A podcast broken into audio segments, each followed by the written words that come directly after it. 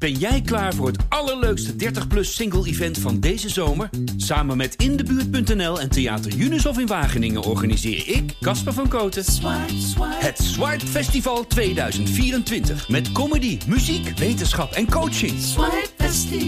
Maar vooral heel veel leuke mensen. Bestel nu je kaart op swipefestival.nl. Swipe, swipe. Dit is Elke Dag, een podcast van de Volkskrant. Mijn naam is Pieter Klok, hoofdredacteur van deze krant. Zaterdag zijn de democratische voorverkiezingen in South Carolina. En hoewel vrijwel vaststaat dat Joe Biden de presidentskandidaat wordt, is het met zijn populariteit nog steeds slecht gesteld. Eén voordeel voor de Democraten: op Trump zit de meerderheid van de Amerikanen ook niet te wachten. Ik bespreek het politieke landschap met Amerika-correspondenten Maral Noshat Sharifi en Thomas Rup. Maral, om met jou te beginnen. Uh, we hebben het hier al vaker over de matige populariteit van Biden gehad. Je hebt wel eens een stuk geschreven over uh, toch uh, ja, de problematische van zijn hoge leeftijd. Of althans, veel, veel Amerikanen vinden dat hij te, te oud is. Is er iets in de situatie verbeterd sindsdien? Nou ja, Joe Biden is sindsdien alleen maar ouder geworden. dus op, dat vlak, op dat vlak niet. Maar um, ja, zaterdag zijn de voorverkiezingen inderdaad in South Carolina, zoals je al zei. En um, we zijn nu vooral uh, benieuwd hoe goed hij het gaat doen onder zwarte kiezers. Want uh, de afgelopen tijd is gebleken, in ieder geval in de peilingen, dat hij. Ja, dat er vooral veel mannelijke kiezers, uh, zwarte kiezers, maar ook in de Latino-gemeenschap. aan het wegbewegen zijn van de, van de Democraten. Dus iedereen is heel erg benieuwd wat de uitkomst daarvan is. Ja, en dat wordt misschien ook wel beslissend, want het was, bleek het bij eerdere verkiezingen ook, toch? Ja, absoluut. Dus vooral de zwarte gemeenschap, die heeft altijd de laatste keer hebben ze volgens mij voor 92 of 93 procent op Joe Biden gestemd. Dus hij heeft gewoon echt uh, behoefte aan die, aan die gemeenschap. En je ziet nu dat uh, een deel veranderde van de mannelijke kiezers, dat zij zich ook wel een beetje aangetrokken voelen tot de machismo-politiek van um, Trump. En uh, veel kiezers maken zich ook gewoon zorgen over de economie. Veel mannen ook. Die denken dan terug aan de tijd dat Trump aan de macht was. En gevoelsmatig ging het economisch toen beter. En dat is ook een beetje een, een, beetje een probleem voor, voor de Democraten nu. Want als je gewoon puur naar de statistieken kijkt en naar de cijfers, zie je dat de werkloosheid ontzettend laag is. Dat de ehm, salarissen zijn toegenomen. Dat de inflatie niet meer zo hoog is als eerst. Dus die is ook aan het zakken. En eigenlijk staat het land er economisch best wel goed voor. Maar er is toch een groot verschil tussen de statistieken en wat mensen zelf, uh, ja, de beleving van, van kiezers. Hè. Dus zij hebben nog steeds het gevoel van, nou, de boodschappen zijn nog heel duur, de huren zijn nog steeds heel hoog. Dus het gaat uh, economisch niet goed. Ja, dus dat is iets waar, waar de Democraten nu tegenaan lopen. Ja, en zijn er nog andere kwesties die het stemgedrag bepalen? Uh, je, je, hebt ook beschreven dat, nou zeker de moslimgemeenschap, die is natuurlijk een stuk kleiner, maar dat daar zijn steun aan Israël heel gevoelig ligt. Ja, precies. Dus je ziet inderdaad onder Arabische Amerikanen is dat een probleem. Nu is dat echt maar een heel klein percentage van de kiezers in de Verenigde Staten. Maar uh, je ziet bijvoorbeeld ook afgelopen weekend hebben duizend uh, zwarte dominees ook een uh, brief geschreven aan Biden en hem gevraagd. ze zijn ook met hem in gesprek gegaan en ze hebben hem gevraagd van ja, kan je toch niet voor een um, staak het vuren pleiten? Want ze zien dat in hun zwarte kerkgemeenschappen uh, mensen ook echt heel erg boos zijn over de Israëlpolitiek van Joe Biden. Dus dat kan hem ook ja, stemmen kosten in, in november. Uh, tegelijkertijd zie je dat de Democraten het onder steeds meer vrouwen heel erg goed doen. En dat heeft alles te maken met de abortuskwestie.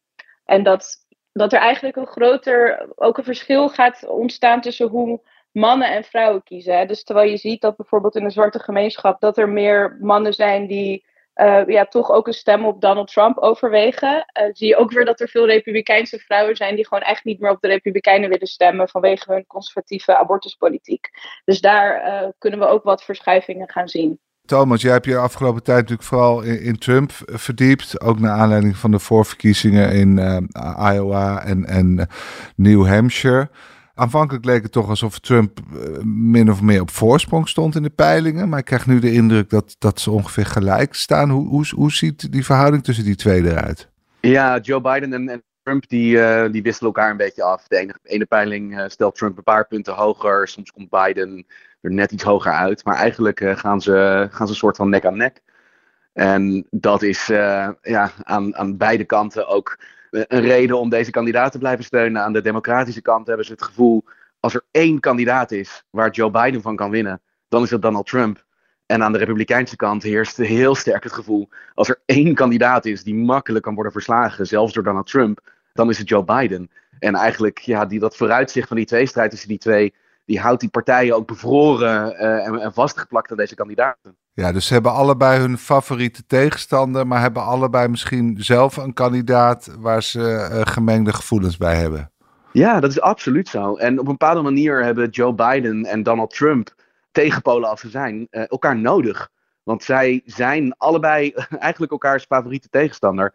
En zowel Biden als Trump is ja, breed beschouwd enorm uh, impopulair bij het brede publiek. Maar ook binnen de eigen partijen uh, zie je toch een heel groot deel van de kiezers die veel liever een andere kandidaat had gezien. Nou, de campagne is zo'n beetje begonnen, zou je kunnen zeggen. Hè? Biden is, is volgens mij heeft een aftrap gedaan waarin hij heel erg hamerde op het, het verval uh, van de democratie. Wat dreigt als Trump aan de macht komt. Wordt dat zijn belangrijkste troefkaart ook in de campagne? Of gaat hij toch zijn economische successen nog uh, vieren, verwacht je? Nee, ik denk dat je het goed ziet. Ze hebben de afgelopen maanden heel hard geprobeerd om Bidenomics, weet je, zo'n prachtige politieke leus, te verheffen en daardoor Bidens economische prestaties wat meer uit te lichten. Maar dat is eigenlijk gefaald. Op geen enkele manier is zijn waardering over zijn economische beleid toegenomen. Dus nu Trump zo snel en veel sneller dan wie dan ook verwacht als winnaar uit die voorverkiezingen naar boven lijkt te komen. Ja, zie je dat die democraten dat vooral zien als een campagnetechniek en misschien minder hameren op de eigen prestaties, maar meer op het gevaar van de ander. Dus het wordt ook wel eens de minste van twee kwade verkiezing genoemd hier. En dat is eigenlijk ook gewoon een, uh, een campagnetactiek. Misschien hoef je niet van Joe Biden te houden, is nu het idee. Als je Donald Trump maar genoeg haat. Precies, en, en je ziet dus ook inderdaad dat um, de Democraten die zeggen dus van eigenlijk hoe extremer Donald Trump is, hoe aanweziger die MAGA-politiek is, hoe groter de kans dat wij winnen. Uh, zij zien dus ook het feit dat ze in 2018 het huis um, terugwonnen. Het feit dat ze uh, Trump in 2020 hebben kunnen verslaan. Het feit dat ze het in 2022 uh, veel minder slecht deden dan van tevoren werd verwacht. Hè. Toen werd er gezegd er komt een rode golf. En Donald Trump steunde een aantal hele best wel extreme kandidaten. En daar liep het niet goed mee af. Dus de Democraten denken van nou ja, als wij zolang zij ook het nieuws blijven domineren met, met die met die MAGA-politiek. En zolang uh, Donald Trump extremer uh, wordt, en dat gebeurt ook, dan winnen wij verkiezingen. Dat is een beetje de conclusie die ze tot nu toe trekken. En je ziet ook dat ze tegelijkertijd, dus inderdaad, terwijl ze de economische politiek een beetje aan het loslaten zijn, dat ze zich ook meer op, de, ja, op een migratieverhaal willen richten. Dus dat ze zich ook wat conservatiever gaan uitspreken over de situatie aan de grens, in de hoop om ja, wat meer gematigde kiezers en misschien ook wat meer republikeinen te verleiden op een stem. Dat is dan een thema waar ze nog wel wat naar rechts kunnen opschuiven in de hoop dat, dat ze het electoraat van uh, Donald Trump afsnoepen. Thomas, uh, Trump staat niet bekend om zijn zelfreflectie, maar heeft hij ook nog dilemma's bij het bepalen van zijn koers in de campagne? Ja, dat is in zijn geval altijd heel moeilijk, uh, moeilijk te bepalen. Ook omdat ja, die koers eigenlijk voor een heel groot deel weinig duidelijk wordt. Hij, hij doet niet mee aan debatten. Hij geeft weinig interviews. Hij uh, geeft geen beleidsdocumenten uit. Zeg maar, zijn voornaamste campagne bestaat uit ja, toch wilde optredens waarin hij van alles roept, daar soms weer later op terugkomt. Waarin hij wat zegt, ik ben een dictator, eh, ik zal een dictator zijn voor één dag. En daar vervolgens dan weer wat water bij de wijn lijkt te doen. Dus ja, het, het is niet eens helemaal duidelijk wat zijn uh, beleid wordt. Behalve dat hij ja, toch in heel veel interviews duidelijk maakt dat hij nog meer lak aan bijvoorbeeld de grondwet heeft dan hij, uh, dan hij eerder al had. Ja, maar hij, hij lijkt alles zeer intuïtief te doen, toch? Zonder, zonder duidelijk overkoepelend plan. Ja, dat is absoluut, uh, absoluut zijn politiek. En uh, bijvoorbeeld ook op het immigratievlak, weet je, wat een van zijn grootste thema's is. Uh, daar, daar moest Joe Biden een oplossing voor zoeken. Nou, wordt er nu bijvoorbeeld onderhandeld over een immigratiedeal. En dan zegt, zegt Trump doodleuk, nou, die deal wil ik niet. laten we dit thema in leven houden. Dus het is altijd dat intuïtieve, onvoorspelbare van hem. Het verschil is alleen dat ja, de partij nu ook uh, uh, zijn speelbal geworden is. En gewoon meedrijft met alles wat hij op welk moment maar ook wil.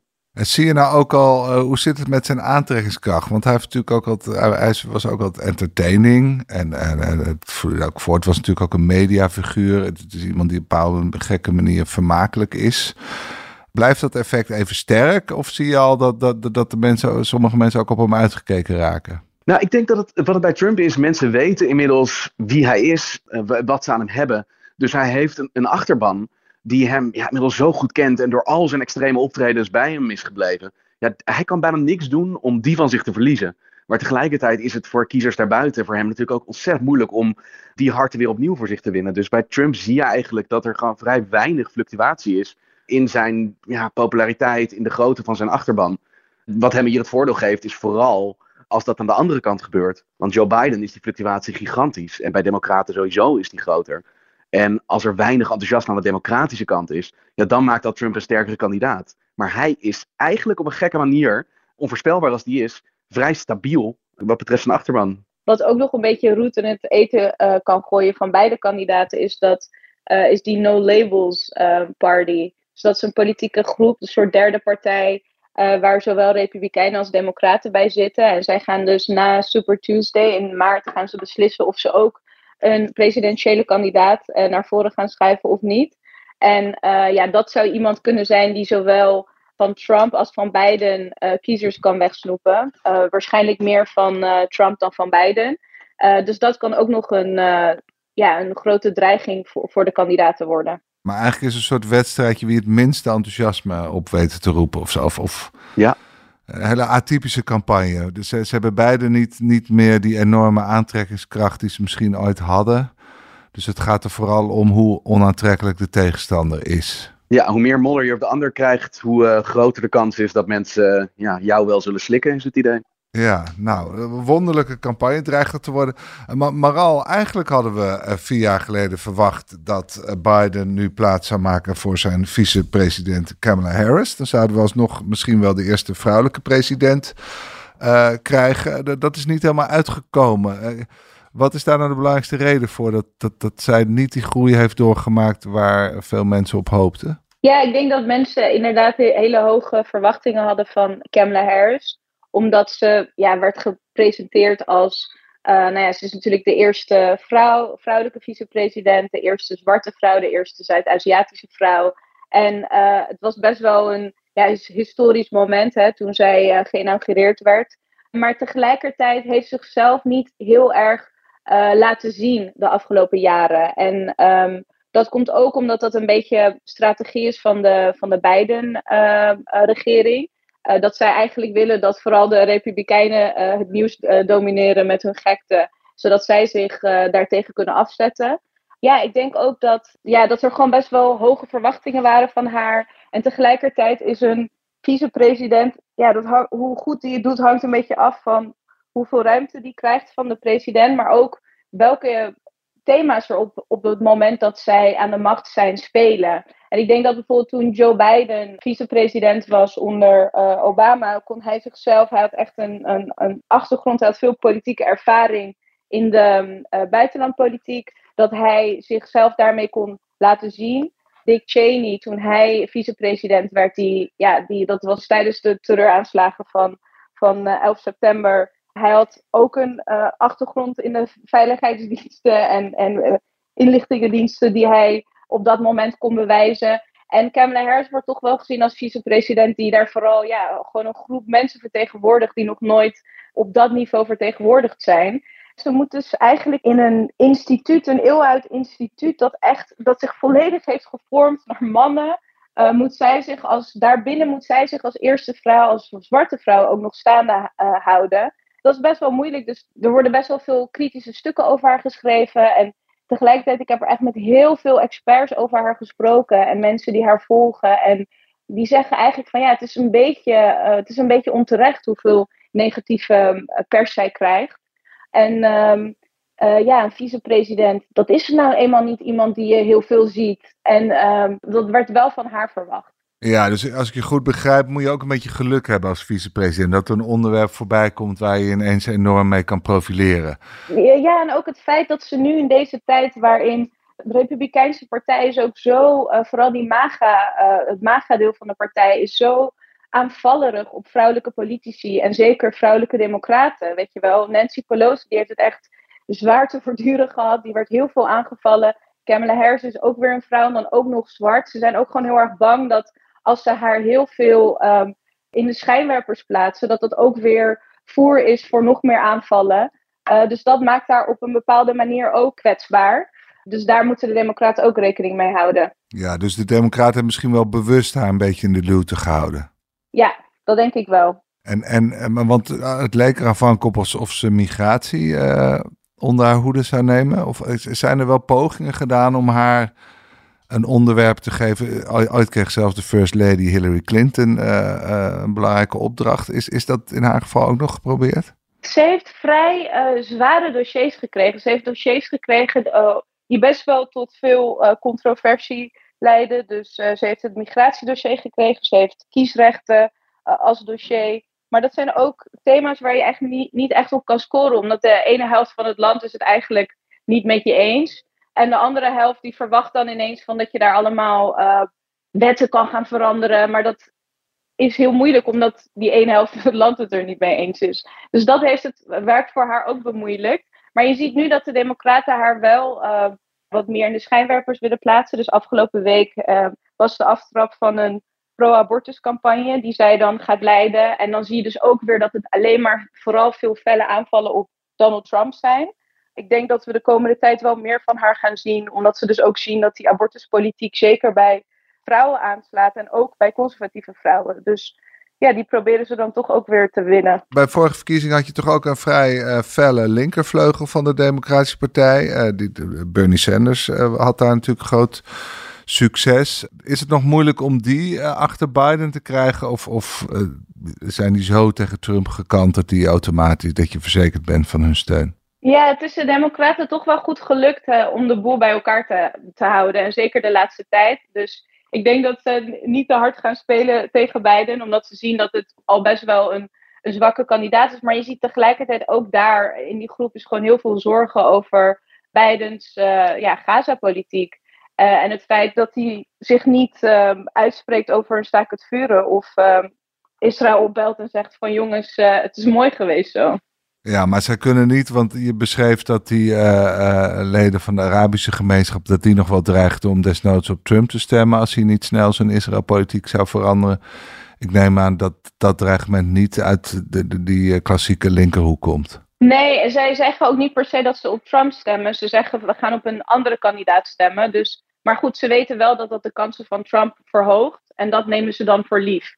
Ik verwacht niet dat ja, heel veel van die linkse mensen nu ineens een op, stem op Donald Trump gaan uitbrengen. Dat ze, ik denk dat ze hem nog erger vinden dan beide. Maar dat ze tegelijkertijd de Democraten ook een soort uh, signaal willen afgeven van jongens, uh, als jullie niet naar ons luisteren, dan zijn we bereid om niet op jullie te stemmen. Dus misschien moet je de volgende keer wel naar ons luisteren. Thomas, als ik dit allemaal hoor, heb ik toch het gevoel dat de, de, de kansen voor Biden aan het toenemen zijn op een gekke manier. Uh, misschien uit aversie tegen Trump of nou ja, uh, alle andere motieven. Die. Heb jij dat gevoel ook? Of zie je toch nog vooral een zwakke kandidaat die het heel moeilijk gaat krijgen? Nou ja, zij zien het natuurlijk zelf ook zo graag. En je hoort vaak ook vanuit het kamp rond Biden een soort van de geruststelling. We zijn nog nauwelijks met onze campagne begonnen. We kunnen nog een hele hoop doen. Dus er liggen absoluut uh, liggen er kansen voor Biden. Alleen het probleem is wel dat uh, een aantal van zijn zwakste thema's onvoorspelbaar zijn en ook moeilijk oplosbaar. En kijk, zijn leeftijd is natuurlijk, daar hebben we het tot in, de, tot in de treuren over gehad. Maar dat blijft gewoon een groot probleem. En een veel groter probleem voor hem dan voor Trump. Maar een andere, op dit moment de, grootste zorg van Amerikanen, die zelfs net uh, de economie heeft overtroffen, is migratie. Op dit moment komen er ja, 150.000 migranten per maand de grens over. En dat is uh, ja, zo'n gigantisch aantal. Dat de, ja, de Republikeinen ook voelen, dit, dit thema blijft spelen. Dat zal in de zomer weer toenemen. Dit zijn kwesties die hij niet kan oplossen. En moeilijk voor hem gaan zijn om weg te nemen bij de kiezers. En dat kan een kandidaat natuurlijk met een nieuw verhaal, met een, een, een uh, met een charisma wat hij ontbeert, mogelijk verzachten. En de zorg is natuurlijk wel dat Biden dat niet echt kan doen. Er is weinig nieuws wat hij een kiezer nog kan bieden. Maar tegelijkertijd ja, is Trump nog altijd een zwakke kandidaat. En kunnen die campagnes van hem om Trump verder te beschadigen, of niet eens alleen dat, maar kiezers meer te laten zien van wat Donald Trump wil en doet en hoe hij zich nog altijd gedraagt, zijn kansen wel weer vergroten. Maar het, ja, veel meer dan 50-50 eh, op dit moment uh, zou ik het uh, niet kunnen noemen. Nee, en, en zijn er nog onaangename affaires die hem achtervolgen? De, de, de Hunter Biden blijft maar terugkomen. Zijn zoon, die, die al dan niet corrupt zou zijn geweest? Ja, dus Hunter Biden is voor hem een uh, absoluut een zwaktepunt. En ja, er is een zeer aanwezige kans dat ze ook een, uh, een impeachmentprocedure tegen hem dit jaar nog zullen beginnen. Dus een afzettingsprocedure die ja, in principe kansloos is, maar wel weer maandenlang ja, allerlei wantrouwen kweekt over Biden. Het, het, nieuws weer zal domineren over wat er mogelijk daar allemaal te vinden is. Op dit moment wordt dat al gedaan tegen een van zijn ministers. Dus ja, hij is en blijft gewoon gigantisch kwetsbaar. En je ziet het ook, hè, als wij um, Amerikanen spreken. Ik bedoel, gewoon als ik al afgelopen maanden met alle Amerikanen die ik gesproken heb over Joe Biden, ook mensen die uh, zichzelf als uh, democraat identificeren. Ik heb niemand gehoord die zei van, ik ga op Joe Biden stemmen en ik heb daar zin in en ik word wild enthousiast van die man. En ik denk dat sommige mensen inderdaad op hem gaan stemmen omdat ze bang zijn voor de MAGA-politiek van, van Trump. Maar er zitten ook gewoon veel mensen die op een derde kandidaat overwegen te stemmen of misschien niet gaan stemmen. Of, en dat is natuurlijk gewoon wel echt een groot probleem voor de, voor de Democraten. Is dat hij gewoon. Niemand wordt echt uh, ja, enthousiast van hem. Maar wordt er al gefantaseerd over vier jaar? Of staat er wel al iemand te trappelen die, die eventueel dan uh, het stokje over kan nemen? ja, de twee namen die het meest hoort, dat zijn uh, Gavin Newsom, uh, de gouverneur van Californië, en Gretchen Whitmer, de gouverneur van Michigan. Dat zijn wel wat jongere kandidaten die het verhaal van, van Biden ook beter kunnen verkopen dan Biden dat zelf kan doen. En ik denk dat misschien als Biden zich had teruggetrokken, dat zij zichzelf zeker uh, een poging hadden gewaagd. Maar ze willen hem niet, nu niet in ieder geval voor de voeten lopen. Ik weet niet of dat een, uh, een, goed besluit is geweest. Want eigenlijk was het idee natuurlijk niet dat hij opnieuw een poging ging doen tot, tot de verkiezingsuitslag van de tussentijdse verkiezingen in 2022. En daar kwamen de Democraten iets beter uit. Dan werd uh, verwacht. Dus ik denk dat ze toen dachten van, nou ja, Biden is iemand die constant wordt onderschat. En uh, we zijn eigenlijk alleen maar verkiezingen aan het winnen de laatste tijd. Dus, dus waarom niet? Maar goed, de, de teneur rondom hem is echt vergeleken met een paar jaar geleden echt veranderd. Misschien is het wel heel gunstig als je continu onderschat wordt. Maar het creëert op een gegeven moment ook een eigen werkelijkheid, waardoor democraten zichzelf kunnen vertellen hoe slecht we ook ons voelen. Uh, het komt uiteindelijk altijd goed, tot dat natuurlijk niet meer zo is. Ja, dat is ook weer waar, uh, Thomas. En nog even over die impeachment-procedure, die hangt ook samen met Hunter Biden, hè? Ja, zeker. Ja, zij, zij betichten hem van, uh, van ja, eigenlijk allerhande corruptie die samen, samenhangt met de zakelijke uh, beslommeringen van zijn zoon in de tijd dat Biden vicepresident was. En daar is geen enkel bewijs voor. Alleen ja, de motivatie die nu aan de Republikeinse kant klinkt is... als we zo'n impeachment beginnen, dan kunnen we ook meer bewijs vinden. Dus uh, zij maken een soort catch van toe van... we hebben geen bewijs omdat we niet impeachen. En we gaan impeachen zodat we meer bewijs kunnen vinden. Oké, maar goed, dat kan hem dus toch beschadigen. Maar tegelijkertijd schets je een beeld waar eigenlijk grote delen van Amerika gewoon vastzitten aan een bepaalde kandidaat. En dat eigenlijk heel nou, weinig rek zit ook aan beide kanten. Ja, maar er is maar heel weinig nodig. En dat is natuurlijk af en toe makkelijk te vergeten. Want ook als je het hebt over 51% tegen 49%. Ja, je kan hier natuurlijk gewoon de verkiezingen winnen met een minderheid van de kiezers.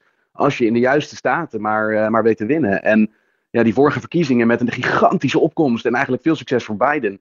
Is toch eigenlijk met enkele tienduizenden kiezers besloten. Dus uh, het luistert zo gigantisch nauw dat ja, er wordt uh, hoog spel gespeeld met grote risico's. Oké, okay, nou uh, blijf het voor ons volgen en uh, tot de volgende keer. Dankjewel. Bedankt. En u luisteraar, dank voor het luisteren. De Volkskrant Elke Dag wordt gemaakt door Lotte Grimbergen, Rinky Bartels, Julia van Alem, Corinne van Duin, Jasper Veenstra en Nathalie Denis. En wilt u de Volkskrant steunen? Neem dan een abonnement. Dat kan nu voordelig via volkskrant.nl slash podcastactie. Want deze podcast is gratis, maar onze journalistiek is dat niet. Morgen zijn we er weer. Tot dan. Ben jij klaar voor het allerleukste 30-plus single-event van deze zomer? Samen met Indebuurt.nl en Theater Junushof in Wageningen organiseer ik, Casper van Koten, het Swipe Festival 2024. Met comedy, muziek, wetenschap en coaching. Swipe Festival. Maar vooral heel veel leuke mensen. Bestel nu je kaart op swipefestival.nl. Swipe, swipe.